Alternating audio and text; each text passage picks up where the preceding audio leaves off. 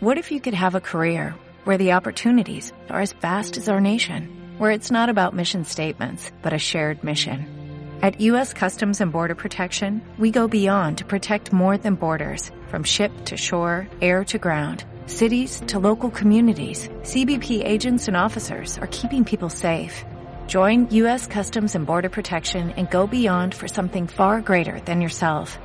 Learn more at cbp.gov/careers.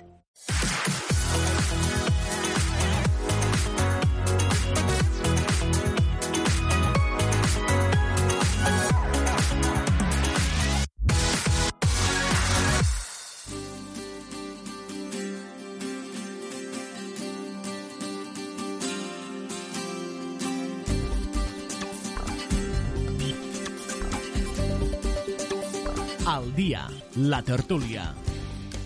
Puntuals com cada tarda aquí estem a través de la sintonia de sis emissores municipals a través d'aquestes imatges en directe al canal Terres de l'Ebre en aquesta tertúlia que se'n diu el cafè de la tarda, des d'ara i fins a les 4 eh, aproximadament tractarem temes d'actualitat amb els nostres convidats i els eh, doncs, convidem també a participar escoltant aquesta tertúlia que sempre aporta coses positives, parlem eh, de l'actualitat des de tots els punts eh, de vista. Gràcies per acompanyar-nos, salutacions de Manel Ramon, qui els parla en aquest programa de ràdio i de televisió. Avui saludem a Javier Faura, president del Consell Comarcal del Baix Ebre, que també ens acompanya en aquesta edició del Cafè de la Tarda. Javier, bona tarda, benvingut. Hola, bona tarda. Encantat de retrobar-te en aquestes tertúlies, encara que sigui ràdio-televisiva, eh? Igualment. També ens acompanya Antoni Oller, regidor a l'Ajuntament de Santa Bàrbara. Antonio, què tal? Bona tarda. Hola, bona tarda a tots. Molt bé, molt bé per aquí. I també ens acompanya des de Deltebre Andreu Curto, que és regidor d'Endairem del Tebre. Què tal? Bona tarda, molt bé. Anem a començar temes d'actualitat i bé, anem a fer referència, evidentment, hem de fer referència a aquestes paraules d'Antoni Comín des de Brussel·les, on deia de que els catalans i catalanes hauríem de, com a protesta per el que pugui donar de si la sentència, deixar de treballar per posar en escac a l'estat espanyol, almenys des del punt de vista econòmic. Així ho deia, de si un milió de catalans i catalanes deixen de treballar, eh, doncs ficarem en un escac econòmic a l'estat espanyol. Ràpidament li contestava la consellera d'Empresa i Coneixement de la Generalitat de Catalunya, Àngels Chacón, dient bé, però que sàpiguen que si fiquem en escac a l'estat espanyol, possiblement també fiquem en escac econòmic a Catalunya. No sé, d'aquestes eh, dos frases, diguem d'aquesta eh, dicotomia de posicions dintre l'independentisme, què en podem traure? Eh, Javier, va, comencem per tu. Molt bé. es, bueno, la veritat és que, és que, és que mentre estaves, que estaves explicant les dues posicions, jo m'anava a fer una composició de lloc i jo penso que no són incompatibles. És a dir, no és incompatible fer aturades per, demo, de, per demostrar el potencial econòmic que té eh, Catalunya i a la vegada que aquestes aturades no siguin indefinides. Són, són dues coses diferents. Eh? És a dir, jo entenc que la, la intenció del senyor Comín eh, no és tant que Catalunya s'ature, sinó que posar, demostrar a la resta de l'estat espanyol que eh, som, tenim la nostra pròpia veu i que en cas de que les coses se compliquen, doncs mira, deixant de treballar es complica molt per a l'estat espanyol. I, per tant, eh, en aturades puntuals jo penso que s'aconseguiria la finalitat que Toni Comín busca i a la vegada eh, això seria compatible amb la defensa de l'activitat eh, productiva catalana. No? Uh -huh. eh, Andreu, Sí, no, la veritat és que es, costa una mica trobar l'equilibri no? en aquestes situacions i, evidentment, pues, la consellera d'Empresa defensa el seu sector, però hem de saber que estem davant d'una pues, imminent sentència, que la ciutadania ha de donar una resposta i, per tant, eh, pues, és evident que no ens hem de tirar pedres a la nostra taulada, per tant, eh, hem de saber bé què és el que volem demostrar, quina estratègia seguir i per tant no aturar l'economia per aturar l'economia, però sí que hem de donar una resposta ferma eh, davant aquesta sentència. I per tant pues, eh, una mica com, com dia el company eh, Xavier Faura eh, no, són, no són opinions eh, contraposades, sinó que cal, cal saber en la justa mesura quines, quines són les, les, les actuacions a prendre en cada cas. I per Antoni... Qui... Manel, Manel, sí. Manel disculpa, és Sí, que, és que sí. el- a l'Andreu quasi no se'l sentia. Ah, l'Andreu quasi no se'l sentia. Ah, D'acord, aquí nosaltres el sentíem perfectament.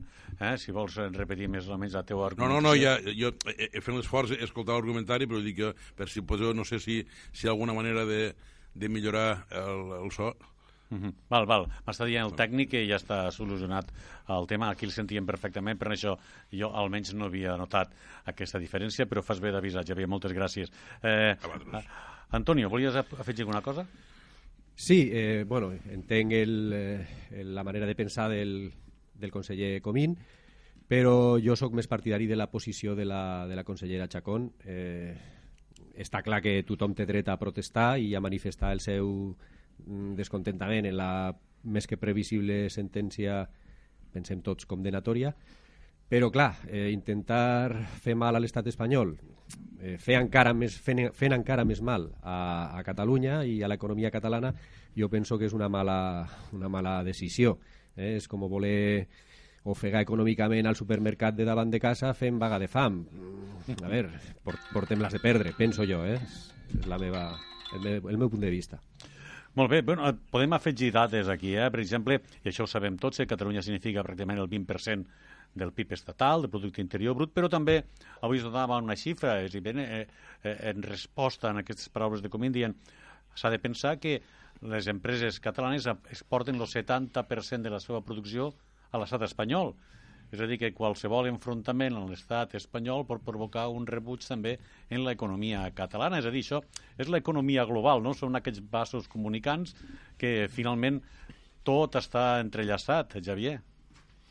Sí, però mira, això, jo, el fet de que, de que hi hagi boi- boicot als productes catalans no seria novedós, i ja, n'hi- ha hagut, i, i, per, i, i tampoc ha sigut determinant per a que ofeguen això a les empreses catalanes. Vull dir, eh, evidentment depenem molt de l'estat espanyol. Jo sóc dels eh, ferms convençuts de que quan siguéssim independents amb el país amb què tenim que tindre millor relació és amb Espanya, indubtablement, és a dir, hem de ser grans amics, per, precisament perquè hem de ser grans amics hem de ser independents, perquè si no d'altra manera és molt difícil, però el, jo l'amenaça de que, escolti'm, és que vostè, el que vostè produís ho menjarà vostè perquè jo no li compraré, mire, a mi això em fa pessigolles, per un motiu molt senzill, perquè nosaltres produïm, però és que qui consumís té necessitat dels nostres, dels nostres productes.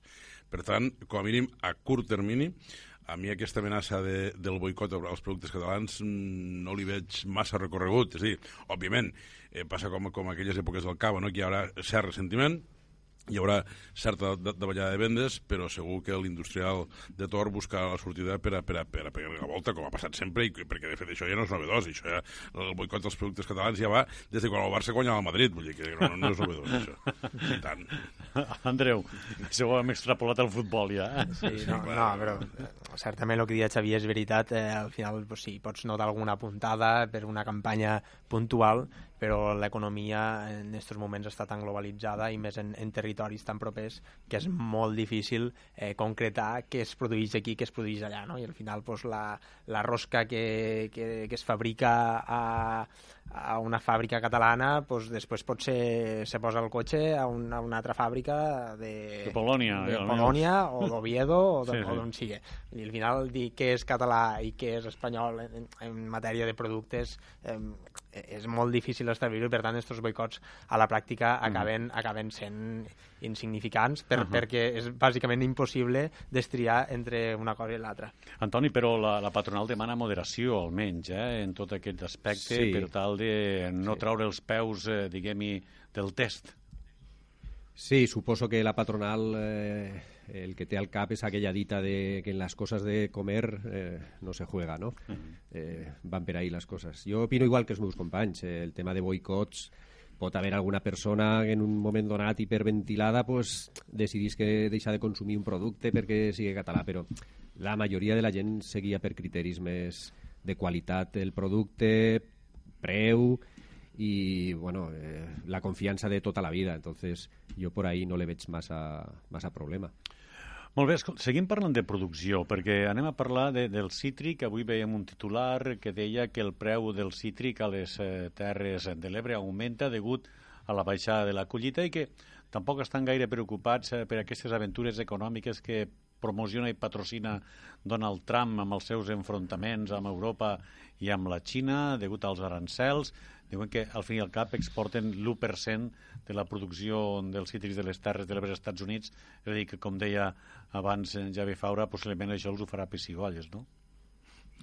Ja, veure, el tema del cítric és, és un tema bastant delicat. És un tema bastant delicat perquè moltes empreses del cítric eh, catalanes i sobretot ebrenques s'han anat en orris com a conseqüència del, del nefast eh, tractat que va, que va subscriure Espanya vamos a subscriure Espanya, va apoyar Espanya amb un tractat que va subscriure la, la Unió Europea uh -huh. amb certs països d'Àfrica de, de, del Sud, no? bàsicament Sud-àfrica.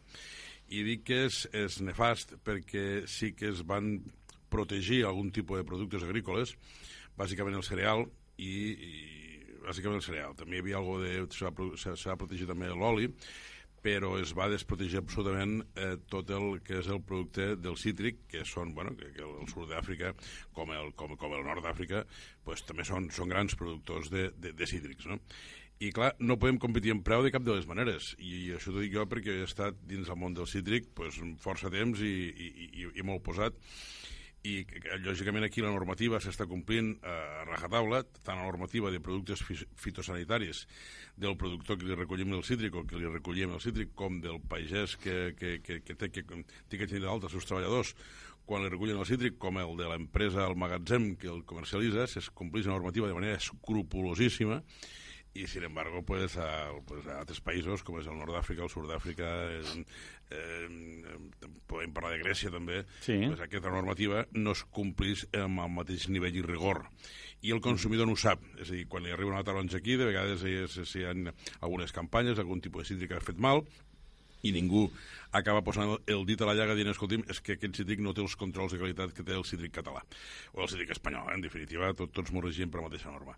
Clar, avui, avui per avui, eh, que resulta ser que el consum immediat de cítric es nutrís de, de, del quilòmetre zero, però només, només l'immediat, eh, que és el mínim eh, i per tant hi ha hagut una, com a conseqüència de la climatologia, hi ha hagut una baixada de la producció i de la climatologia i de que hi ha hagut molt de pagès que abandonen la terra, sí. està pujant mínimament el, el preu del cítric, bé, mire, però és que això, però és que per això, això eh, també va passar fa 4 anys, eh? fa 4 anys jo recordo que va haver una campanya que no va ser nefasta perquè no hi havia cítric i clar, llavors el productor encara es guanyava la vida. El del magatzem ho passava més malament, però el productor es guanyava la vida. Però jo penso que el tema del cítric hi ha que agafar-ho de manera estructural hi hauria que denunciar, perquè hi ha camins per denunciar-ho, jo ho hem estat estudiant, des de, vamos, de, de, des d'Esquerra Republicana s'ha estat estudiant i el, el, nostre, el nostre senador Obà li hem encomanat aquesta feina i l'ha estat treballant però no m'ho han sortit de que l'estat espanyol denuncia aquest conveni i aplica les clàusules de, de, vamos, les clàusules de moderació i d'indemnització al sector, al sector citrícola i no s'ha volgut fer perquè l'estat espanyol simplement no l'ha convingut perquè suposa que això implicava perjudicar altres sectors agrícoles que, que, bueno, pues que, que tenen més protecció que altres, no? Mm. I, per, però el, el, el tema del cítric, certament, a les terres ebrenques és un drama i hauria que abordar-lo en molt de rigor. Eh, també de terra de cítrics, Antoni Uller, des de Santa Bàrbara. Què n'opines d'aquest tema i, en tot cas, creus que aquests eh, arancels, com diuen els productors de cítric, no faran gaire mal en aquest sector del nostre territori?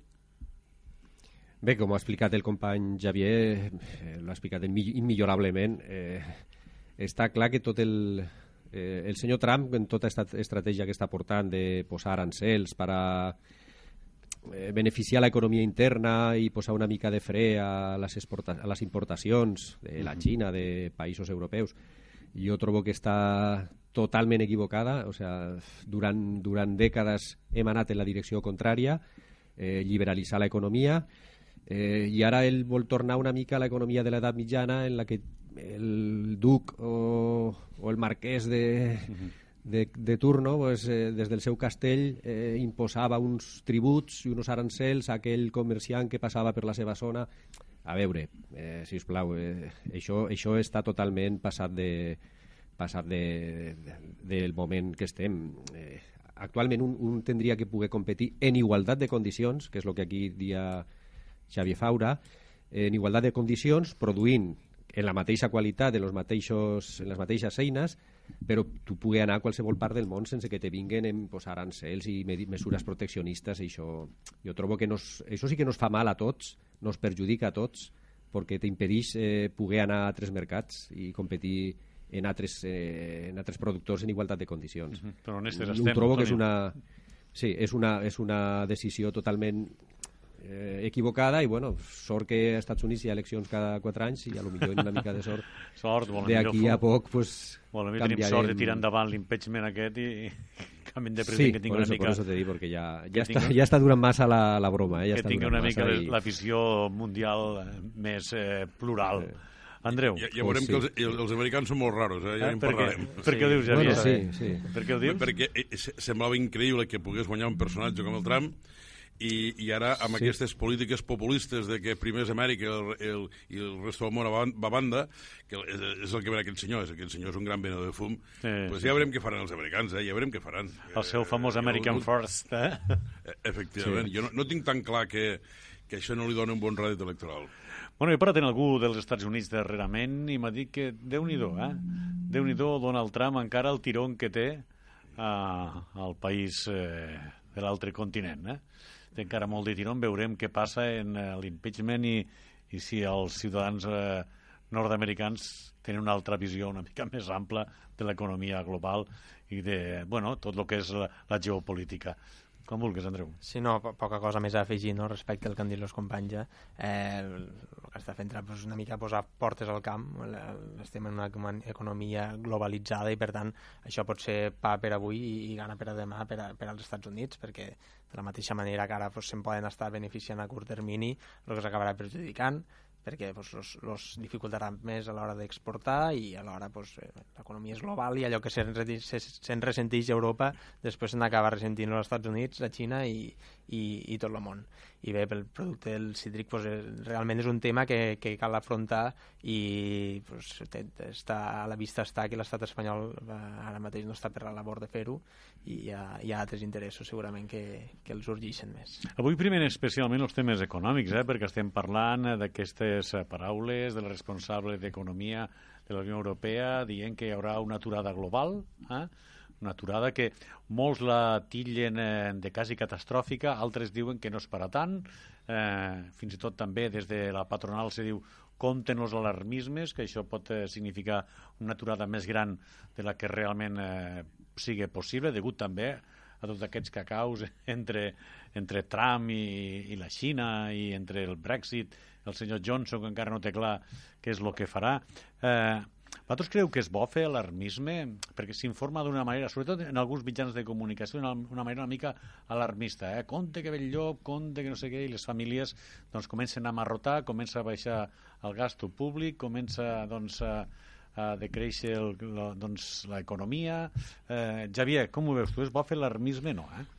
De cap manera, de cap manera. Això és el, el, el conte aquell del, dels tres porquets, no? Uh -huh. eh, si fem alarmisme i me'l creem i després eh, no n'hi havia per tant, pues, eh, pues, escolta'm, eh, mal assumpte, perquè el dia que això anirà de debò, eh, el, el, el, diguem, la, la veu autoritzada que dirà "Eh, eh, cuidao, cuidao, que aquest cop va de debò no se'l creuran, no? Eh, jo crec que l'alarmisme no va bé ni per a l'economia eh, personal, és a dir, per a- ni per a l'economia domèstica, ni per a l'economia global eh, no n'hi ha, no ha que fer-ne... Jo penso que hi ha, hi ha que, hi ha que provocar la, la sensibilització de la ciutadania en la justa mesura. I el fet, en el cas concret de la parada que es pretén de, de, de fer a, a Catalunya com a, com, a, com a protesta pel tema de la sentència, veure, no, no, jo penso, jo no, jo no ho trauria context, eh? Vull dir, és un, un, un, una vaga general, l'hem vist moltes vegades i no ha passat res. I aquí la, el sentit no és una vaga general a nivell estatal, sinó una vaga general, general a nivell català, una miqueta per, per posar el toquet d'atenció. Escolteu, mireu què passa si nosaltres mos parem. Eh, Sí, no, no, estem parlant, in- in- estem parlant de les notícies globals, eh, de aquesta aturada del 90% del Sí. món que tindrà, o de Catalunya, evidentment, és, eh, Sí. diguem-hi, una petita tronada dins d'un got de- d'aigua, no?, però...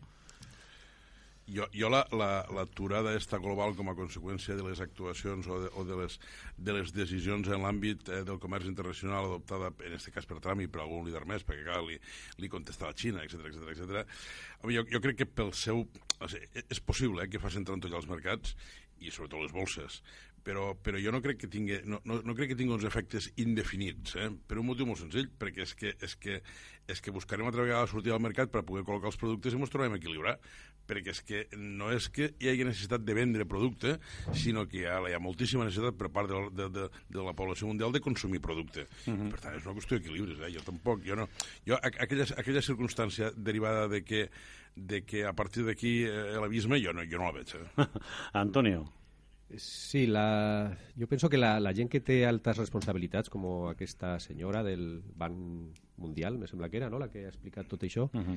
eh, haurien de ser extremadament prudents, eh? no amagar res, no amagar cap informació, però tampoc voler fer una mica de, de futuròlegs i predir coses que a lo millor no estan clares del tot, perquè entonces tenim el perill de que eh, nos de que tinguéssim una, una profecia autocomplida, això ho explica molt bé el professor Sala Martín, l'economista uh -huh. este tan famós, que diu això, clar, que si tu dius, llances un missatge dient alto, eh, tindrem aquí un, un, una aturada econòmica del que afectarà el 90% del món.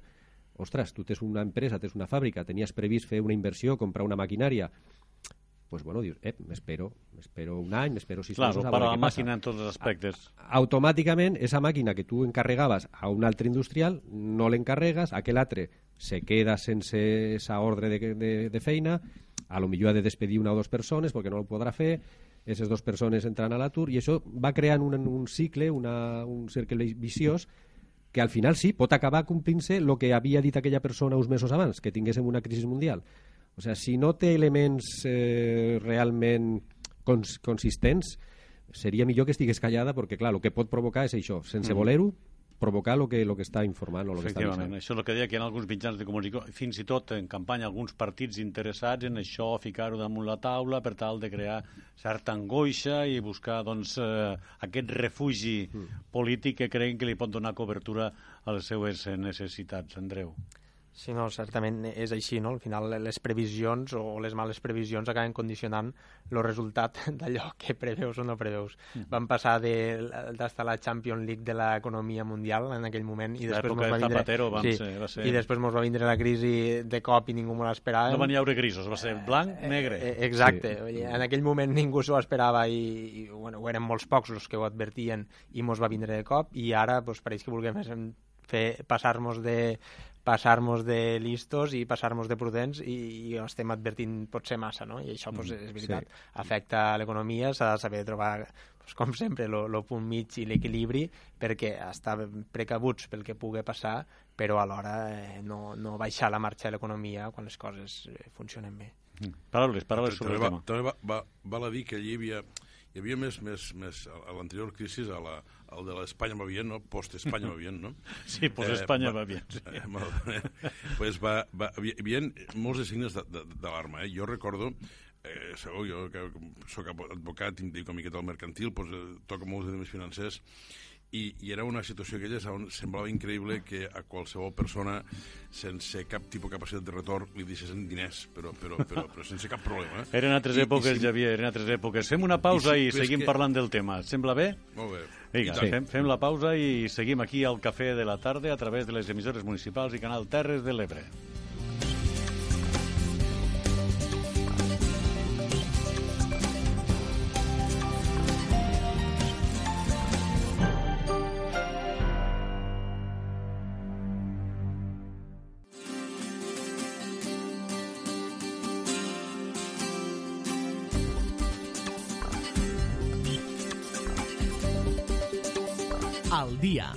Tertúlia.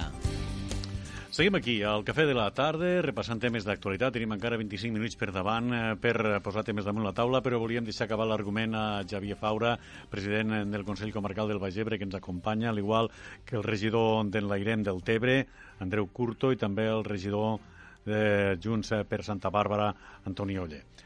Anem a deixar acabar l'argument. Xavier, com vulgues. Gràcies, Manel, gràcies.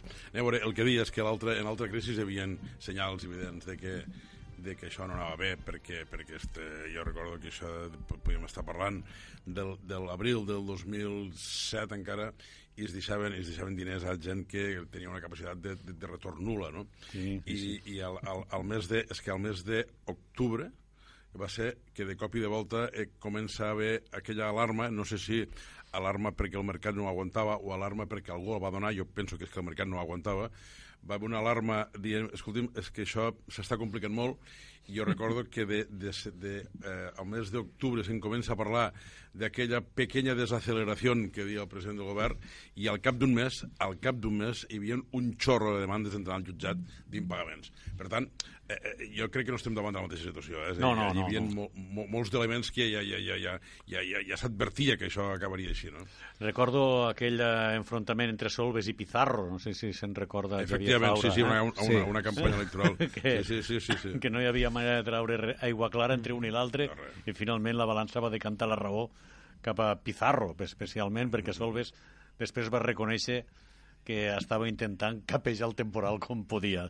Recordes podia, aquest tema, Antonio? sí, sí. Sí, sí, sí. Sí, sí, sí, lo recuerdo perfectament, sí, sí.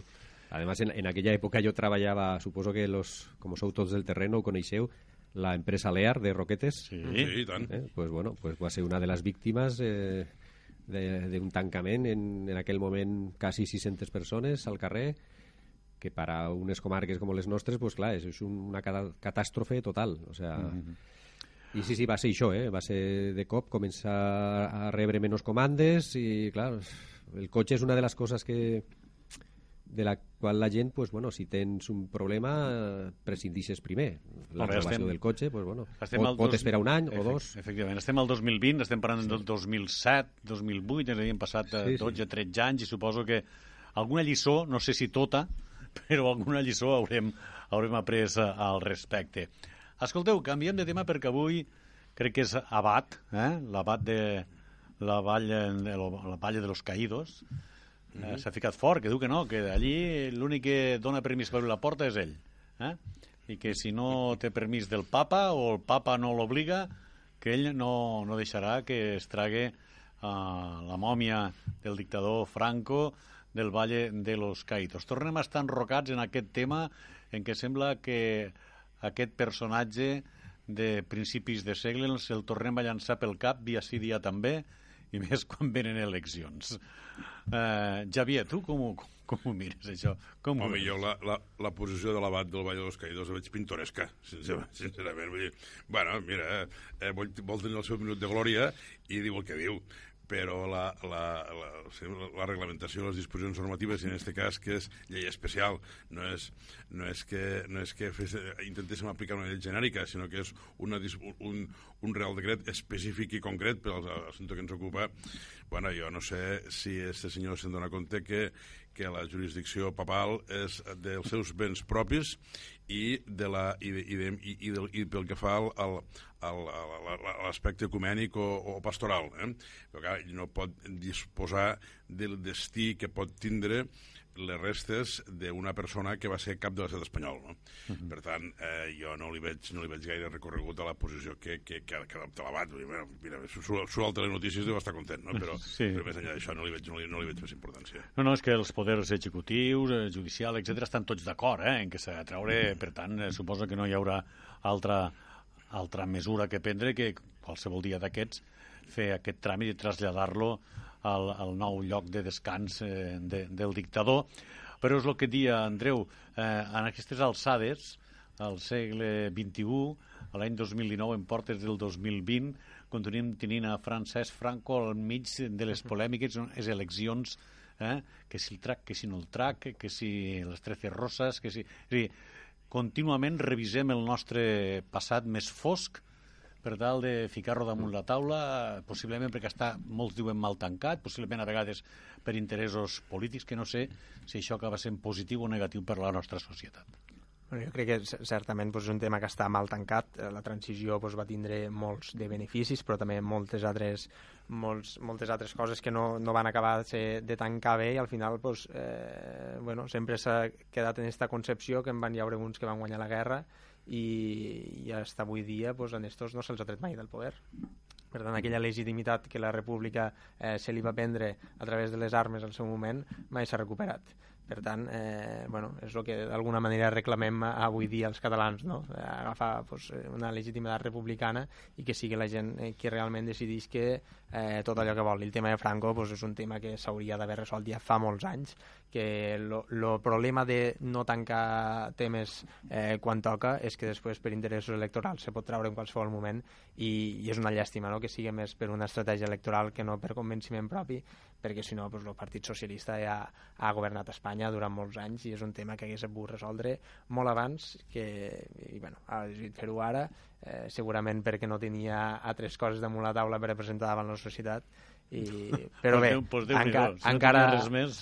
encara que tard eh, pues, benvinguda serà la mesura i, i bueno, este senyor, pues, el que comentàvem sortirà a la tele durant, durant uns dies potser, potser demà ja no, ja no el veurem i al final si bueno, si s'ha de retirar pues, s'acaba retirant i, i pues, en este, en este home que l'enterra no en té la llana en terra Antonio. Sí, sí, sí, no, està clar. Eh, totalment d'acord el que diuen els companys. Eh, jo trobo que és impossible això tindre-lo parat durant més temps eh, hi ha un decret llei s'hauria de complir i el que és realment increïble és que 44 anys després si a Nestome l'haguessin dit no, no sé com le dien, generalíssimo eh, abans de morir. D'aquí a 44 anys encara estaran parlant de... Sortiràs tots els dies a la tele. Aquel, aquel home no se l'hauria cregut. Dirà, no, no és possible. Pues sí. sí, sí, sí. I, i, I és això, són interessos polítics. Eh, pues bueno, sembla que alguns, quan la cosa pues no, no saben què dir o no saben què fer, pues trauen el, la mòmia de Franco i estem una setmana o un mes parlant del mateix, que si sí, que si no trobo que és, és la, realment la de coses importants que hi ha per a, per a parlar i per a discutir, per a acordar, que tinguessin que perdre el temps eh, parlant d'això és realment... Bueno, demostra com, com som, no?, en certa manera. Xavier. De fet, de fet hi, ha, hi, ha tres, hi ha tres elements de primera línia electoral sempre, eh? fixeu-vos. Les Mm. Sí, no n'anàvem a parlar ara, sí. sí, sí. Les pensions, Catalunya, eh, que és, Eh. serveix, serveix per a veure, a veure qui és més espanyol de tots i, per tant, qui, qui, qui, té, qui, qui té més qui té poderoses raons més, més importants per a, ser, per a ser president del govern i Franco. Eh? Sí, sí, sí, En cada període electoral. Són, són les tres claus principals de les... No, no, és que a més, fixeu-vos eh, que en qualsevol debat, en qualsevol informatiu, sempre es parla d'aquestes tres coses, eh? eh? de les pensions, eh, de Franco i de Catalunya, i a vegades surt alguna cosa més, però Sí, crec, i crec molt que, de quan en quan. Crec que Xavier sí és un element que és el terrorisme que ara resulta que torna, torna a ressorgir, no? I en molts anys pues, havia funcionat Sí. eh, com a matèria electoral per a molts partits i ara pareix que torna a, ser, torna a estar en boca de molts. Bé, això és de vergonya, ja. Sí, Aquesta sí, última sí, és de certament. vergonya. És. Escolteu, anem a parlar precisament del que deia Xavier, que és una de les cartes que trauen a, a col·lació. És que, clar, això, això fa gràcia perquè recordo, eh, pues, per sort o per desgràcia, porto molts anys en, en el periodisme i aquest tema de les pensions segurament eh, ja fa uns quants anys que ve arrastrant-se i sempre surt en època d'eleccions. Quan acaben les eleccions mm, es perden en altres debats, eh? a vegades més endogàmics, d'altra forma, però les pensions queden allí aparcades, els jubilats es manifesten, fan quatre declaracions, ara ho mirarem, anem a refer el pacte de Toledo, jo no vull entrar, jo no vull sortir, i així anem passant. Eh, té solució això de les pensions, eh, Antonio? Creus que hi ha solució? Perquè, clar, eh, les, les pensions s'estan pagant ja a càrrec del deute públic, eh? Sí, sí, sí. Home, és, és un tema complicat, eh? I, i, i precisament perquè és un tema complicat sembla que tots lo agafen una mica de, així, de costat i no volen entrar a fons perquè, clar, el que lo vulgui arreglar possiblement acabarà perjudicat perquè haurà de prendre mesures que no siguin d'agrado per a tothom. Entonces, bueno, hasta ara la política ha sigut pilot avant i el que vingui detrás ja, ja s'ha apanyat. Però, claro, el deute continua creixent. Avui he llegit que estem ja en los dos bilions en B de Barcelona de deute externa, que això, bueno, això és una cosa que suposo que algun dia s'hauria d'anar tornant, encara que hi ha economistes que diuen que això és impossible de tornar-ho. O sea, és, me sembla que és, supera el PIB de tot un any Sí, sí, està per damunt del producte interior brut espanyols i sí, sí. catalans treballant durant tot un any, serveis, produccions, tot, absolutament tot, Uh -huh. per a pagar la, el deute extern. Això és quasi, bueno, complicat de, de retornar. Entonces, si encara continuem engrossant-lo més, pues, eh, la pilota cada vegada se farà més grossa i més difícil de, de detindre. No? Jo trobo que alguna vegada pues, s'haurien de posar d'acord tots els partits i prendre les mesures que toquen i dir, bueno, l'esperança de vida va creixent, és un factor a tenir en compte, eh, hi ha menys, menys gent en edat productiva o en edat de treballar, eh, què fem? Allarguem l'edat de jubilació? Pues no sembla que sigui la millor idea. Justament seria més bé el contrari, no? Si uh -huh. el que tenim és sobre Eh, necessitem que la gent jove treballi i, i pagui perquè la gent jubilada pugui, pugui mantindre's. En quina pensió? Ara se ve que prometen pues, un, una, un salari mínim de 1.200 i pujar les pensions, clar. Sí, ara es pujaran eh, amb l'IPC, etc. Això és el que diu ara sí. Pedro Sánchez. Com estem en eleccions quasi cada any, pues, bueno, les promeses aquestes van sortint com los bolets, no? Però però hem de ser realistes i això s'ha d'afrontar d'alguna manera i no podem continuar posposant i posposant un problema que tenim damunt la taula des de fa tants anys. Uh -huh. Xavier, perquè això ho venim parlant des de fa temps, ho hem parlat en molts en debats i, i sempre acabem la mateixa situació, no? és un tema que s'ha d'agafar, és un bou, ara que està de moda parlar de bous, que s'ha d'agafar uh -huh. per les banyes, però que ningú s'atreveix ni tan sols a fer-li un, un passe en lo capote o en la muleta o com se digui, no? És que té mala solució. Té mala solució perquè la piràmide d'edat no ens acompanya. Llavors, clar, eh, la solució és eh, o incrementem l'aportació la, la, la, a les quotes de, la societat social, en el qual ataquem la competitivitat de les empreses, o, o, o cobrem menys de jubilat, però clar, cobrar menys de jubilat té que ser d'aquí en endavant, perquè els que tenen drets adquirits tenen drets adquirits. És un senyor que s'ha cotitzat X per a cobrar una pensió determinada, si ara li traus, i aquell senyor se'n va al jutjat, doncs guanya el pleit. Eh? Clar, això és així. Llavors, eh, jo la veritat és que és un tema que li veig molt mala solució. Eh, clar, l'ideal seria que, creixi, que la nostra economia productiva creixés exponencialment i vingués moltíssima gent a treballar, cap problema resolt, però això no, no, no es preveu que sigui una solució, vamos, que això es produïsca a curt termini. Per tant, jo certament jo li veig, li veig, li veig mala sortida aquí. Eh? eh? eh li veig mala sortida en quant a que no hi ha una sortida clara, no en quant a l'alarmisme que deixarem de cobrar les pensions. Jo estic segur que d'una manera o d'una altra eh, l'Estat farà mans i mànigues i les pensions se pagaran. No, jo estic convençut d'això. És que si no es cobressin les pensions hi ha un daltavall social... Seria dramàtic. Seria eh, dramàtic, dramàtic no, eh, total, total, perquè és dir, la qualitat de vida de la, tota la classe mitja, si és que existeix la classe mitja, se'n va en terra, eh? això està claríssim. Jo, penso, jo penso que abans, abans se tocarà el, el preu de les medicines o dels, o dels, o dels tractaments sanitaris o, o, o dels transports o, o dels combustibles que tocar les pensions. Sí, sí, sí alguna, alguna font de finançament hi trobaran per tal de mantindre l'estatus eh, de la gent que doncs, eh, s'ha pagat la jubilació i que vol viure uh -huh. uns quants anys eh, tranquil. Andreu. Sí, no, que és un tema que és, fa molts anys que se'n parla, la meva generació quasi que tenim assumit ja que, que la pensió ja no, no la cobrarem, no? És, és el que comentes tu, la pensió ja, no, ja, ja t'ho diu tothom, no? Ah, però si I, fiqués una solució de manera ràpida, és a dir, escolteu, uh -huh. a partir de l'any 45 no hi haurà pensió, per tant, tota la gent que aquell any pensa que s'ha de jubilar pues ja pot començar a tindre una altra manera de, de pagar el sou, és a dir, que la retenció que et fan per la Seguretat Social, com fan als Estats Units, te la deixin el sou i tu mateix ja et buscaràs la vida fent un pla de pensions. Però és que, clar, ara no saps entastar. Si, si fas un pla de pensions que són cars i potser la nòmina no t'ho permet, si continues... És clar, és que és molt complicat, també. El que està clar és que mentre... El, el, el, no, que mentre, mentre se tracta com un tema això, de, que, és, que sempre sigui objecte de campanya electoral i no s'aborde en responsabilitat i per part d'un consens entre totes les forces polítiques, eh, és un tema que mai se resoldrà, perquè mm. és un tema molt... Eh, és un caramelo, ja dius que pujaràs la pensió en, en, en, en l'augment de l'IPC, que està molt bé, i i és, i és diguéssim, és lo just, no? Però, no, i fas, un, però...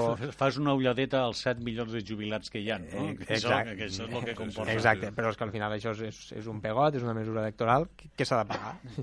I, i s'haurà d'explicar a la gent, haurem de mirar a la cara a la gent i dir-li, escolta, eh, la situació és aquesta, com ho fem?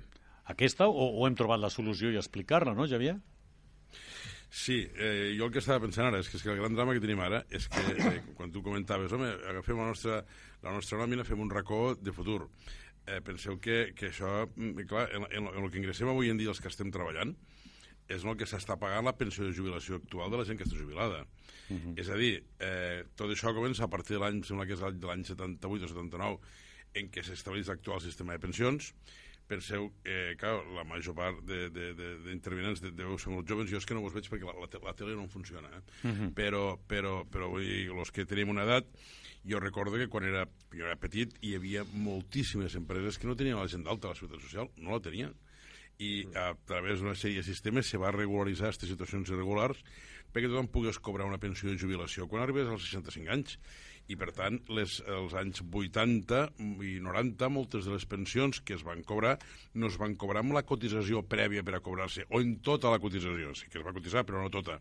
I per tant sempre hem, hem arrencat sempre així, és a dir veníem d'una situació, diguem, a precari i quan se va muntar l'establishment actual, que és una situació més sòlida, eh, em- empleem els recursos actuals per a pagar les pensions actuals. Per tant, els, el, la meva aportació econòmica d'ara no em capitalitza per al futur. Això, no, això, això em passa si, si tinc un pla de pensions, però si jo pago la Seguretat Social, la pensió, la, la meva aportació actual serveix per a pagar els jubilats actuals. Per tant, el gran problema, quan, quan un dels intervinents, penso que era Andreu, dia, és que jo ja tinc assumit que no cobrarà la pensió, jo penso que sí que la cobraràs, ja veuràs, quan arribes a la meva edat tindràs assumit que l'has de cobrar, és una qüestió de però, però, però sí que és cert que, que certament eh, no se compra i tenim que pagar la volta en aquesta fórmula, perquè l'ideal seria el que plantegeu, és a dir, que l'aportació la, la, econòmica de cada un de nosaltres mos capitalitzés per al futur, però és que no està, no està passant això.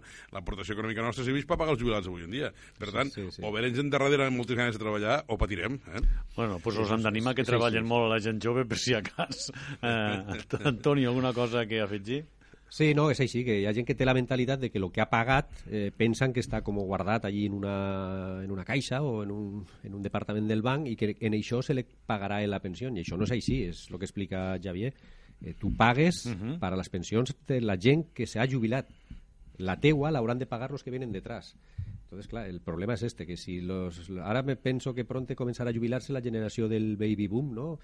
Són aquells que van néixer en los 60, que va ser una explosió demogràfica. Sí, sí, toca, jo, soc- jo soc d'estos. Jo, jo també, jo, jo també. Entonces, clar, a mi em toca. Eh? és, A mi no- a mi em és toca una gran quantitat una gran quantitat de pensionistes que passaran de, de, de pagar a cobrar. Entonces, la gent que ve darrere, pues, en les tasses d'atur que hi ha i que són pocs, o, o, o paguen més, o, o se retallen les pensions, o s'ha de buscar una solució, o se trauen eh, se trauen recursos d'un altre lloc que consideressin menys important. Pues ara hem de buscar la fórmula, però ja ho has vist, som quatre i estem al 50%, eh? El Javier i jo ja mos toca, pràcticament, i els altres dos som més ve- joves. I jo, la veritat és que eh, no, no, és un tema que mo- molts de companys meus ho diuen, no? Eh, com jubilar-nos, jo és que ni m'ho plantejo, eh? perquè, entre moltes coses, perquè m'avorriria, estic convençut que sí, a mi, a mi, a mi la, la meva feina m'agrada molt, vull dir, jo no tinc, tinc pensat, mentre, mentre el cos m'aguanta, donar-li marxa. Mm. I en què vas a treballar, tu? Jo vaig a treballar eh, normalment en moto, normalment en moto. Mm. Però si tinc algun compromís o tinc que marxar fora, doncs tinc que agafar el cotxe, perquè és que jo eh, vic a 3 quilòmetres i mig de Tortosa i, i, i anar a treballar no em costaria gaire en bicicleta, però tornar hi ha molta rampa, molta rampa i costa molt noi. I no t'has ocorrit més, no t'has ocorrit comprar un patinet? Pues la veritat, no, un patinet elèctric no, perquè més crec que amb el meu pes eh, no crec que costa un allò funcionés, no? Però Bueno. sí que m'han parat molt d'aquestes bicicletes elèctriques que sembla ser que van molt bé, eh? Bueno, te ho deia perquè precisament eh, l'Ajuntament de Tortosa ha posat en funcionament amb aquesta regulació del A, patinet. a proposta nostra. Ah, a proposta, de- d'Esquerra Republicana, sí, perquè, clar, eh, eh, estan proliferant i sí. van per les aceres, eh, n'hi ha que van bastant de pressa, altres van eh, per la calçada, altres van en contradirecció, eh, llavors ens trobem en una situació prou caòtica i si això va a més, eh, evidentment s'havia de regular.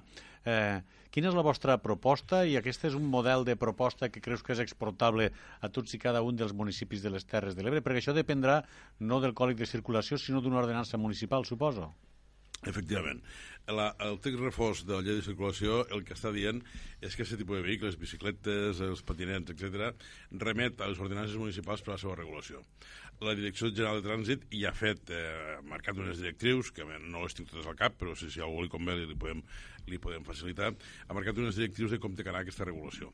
Penseu que els patinets eh, no hi és que, no hi és que va- va- vagin per sobre la cera, sinó que poden assolir velocitats de 25 km per hora, és a dir, tres vegades o quatre vegades més la velocitat que té un peató.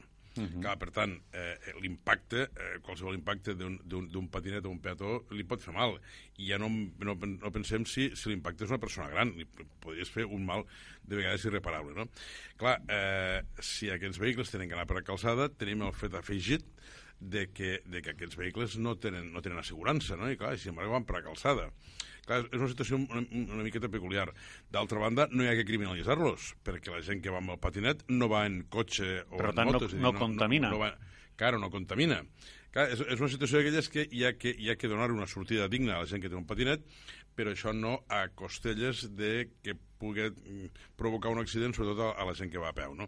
Eh, nosaltres la idea és eh, crear un grup de treball on, eh, i, i vam pensar en una taula, però potser ens van dir que seria poc pràctica, llavors vam canviar la, la proposta de moció a grup de treball, on estiguin tots els agents interessats, i per agents els interessats estic parlant doncs, el, els ciclistes, estic parlant amb els, els, els, autoscoles, estic pensant, amb, lògicament, amb els, grups, amb els grups polítics, estic pensant amb la policia local, que té que tindre aquí un, un pes específic important, perquè són els tècnics en aquesta, en aquesta matèria, i a partir d'aquí buscar una regulació. Per a nosaltres, la idea inicial, que és el que han fet alguns ajuntaments, és eh, identificar el, el, la via ordinària per al, per al patinet amb, la, amb el carril bici. Eh? Eh, llavors, si, si, si ha, eh, què fem quan no hi ha carril bici? És qüestió de definir-ho. Però tampoc vull avançar, eh? perquè no, no vull contaminar el debat posterior. Jo el que vull és que certament arribéssim a un punt d'acord Ah. i es facin les campanyes adequades per als eh, propietaris d'aquests patinets, gratuïtes, per supost, per a, per, no, no només per a fomentar l'ús del patinet, que penso que pot estar molt bé, sinó a més a més per a, per a que, que coneguen la normativa i, per tant, tots plegats pues, eh, tinguéssim una circulació civilitzada. No? Uh -huh. De totes maneres, eh, és, eh, com ho diríem això, és susceptible de tindre impostos? Eh, no és la nostra intenció. Quan nosaltres plantegem una, una ordenança, no estem, parlant, no estem pensant en ordenança fiscal, sinó una, una ordenança reglamentària o jurídica. El que passa és que, en la mesura, això passa com en tot, eh, en la mesura en què, en què hi hagi una proliferació de patinets, pues suposo que l'equip de govern de Tor no es podrà resistir a posar el corresponent impost. No? Però que jo eh, sostinc, vamos, d'entrada et dic que la nostra, el nostre criteri, quan nosaltres presentem la- l'ordenança, no és per a cobrar per això, sinó per, per, per regular el seu ús. eh, clar, si això està com ara, encara està en un moment incipient. Si hi hagués una multitud eh, o, o un creixement important d'aquest tipus de- de- d'elements de, de transport, doncs passa com en tot. Llavors, pues, segurament, clar, el, el, l'equip que estigui manant llavors a l'Ajuntament, pues, clar, lògicament voldrà voldrà posar impostos perquè, perquè és la manera de, de, de finançar-se els elements públics, clar. De totes maneres, avui sí que hi havia una clàusula, no sé de quina normativa és, que diu que per la vorera no pot anar cap vehicle que vagi més ràpid que un peató.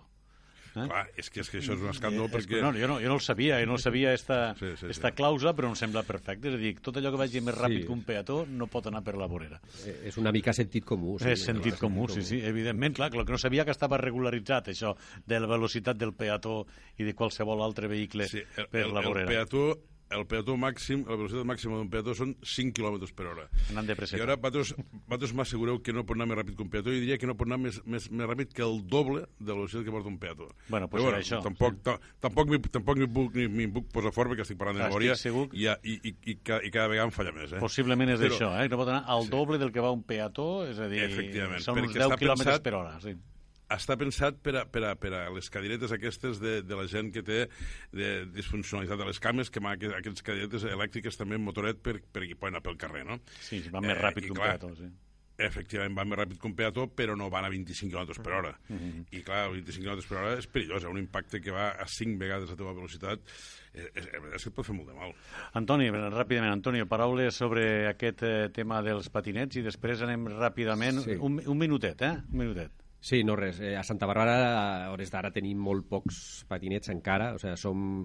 Ho veiem, que, que és una cosa que va venint, però ara mateix pues, bueno, quasi és anecdòtic. Veus, veus algú de tant en tant...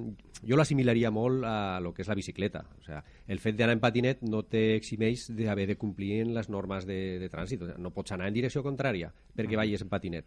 Són coses, jo diria, una mica de sentit comú, però, claro, és molta gent jove que a lo millor no tenen una formació viària bàsica i bueno, pensen que per anar en patinet poden fer qualsevol cosa i clar. Ah, efectivament, ja es parla de que han de portar casc, armilla, reflectant, etc etc, tots els ets Sí, sí. per poder circular per la ciutat amb tota la seguretat. Jo no sé si a Deltebre, que és un lloc bastant disseminat, més que en patinet la gent va en moto. Sí, sí. I bicicleta, no? Sí, la gent, eh, quan, quan fas els 16 anys és com lo, lo típic, no? Te compres la moto o, o bueno, ara com que és al 16 ja potser t'esperes el cotxe, però sí, la veritat és que no, no, no han acabat de proliferar aquest tipus de transport, però possiblement, si acaba proliferant, doncs ho haurem de regular d'alguna manera eh, i crec que el més, lo, lo síndic com diu, que és equiparar una bicicleta, no? que puguem fer servir el carril bici, o bueno, en qualsevol cas, el moment que es planteja s'haurà pues, de, de plantejar davant els agents i, i regular-se. Doncs s'han d'anar regulant totes aquelles noves tendències socials que ens van arribant a casa nostra. Primer doncs, han estat eh, els carrils bici, ara han aparegut els patinets elèctrics. Qui sap el que està per vindre. Han tingut que regular la utilització dels drons, cosa que ja s'ha ficat en mans també mm. de la policia local per eh, doncs, augmentar els sistemes de seguretat. És a dir, hem d'anar regulant aquelles noves tecnologies que ens arriben a les mans i fem bé de regular perquè això no es convertisca en una autèntica jungla. Xavier Faura, moltíssimes gràcies per estar amb nosaltres. A vosaltres per invitar-me. Una abraçada, fins la propera. Fins la propera. També Antoni Oller, gràcies per estar amb nosaltres. Eh, feliç jornada. Mm. Gràcies a vosaltres, ha estat un plaer. Fins la propera i també a Andreu Curto, que una vegada més ha acompanyat eh, per eh, mostrar-nos el seu punt de vista sobre temes d'actualitat. Moltes gràcies. Tornem demà al Cafè de la Tarda. Serà fins llavors. Feliç jornada. A reveure. Adéu-siau.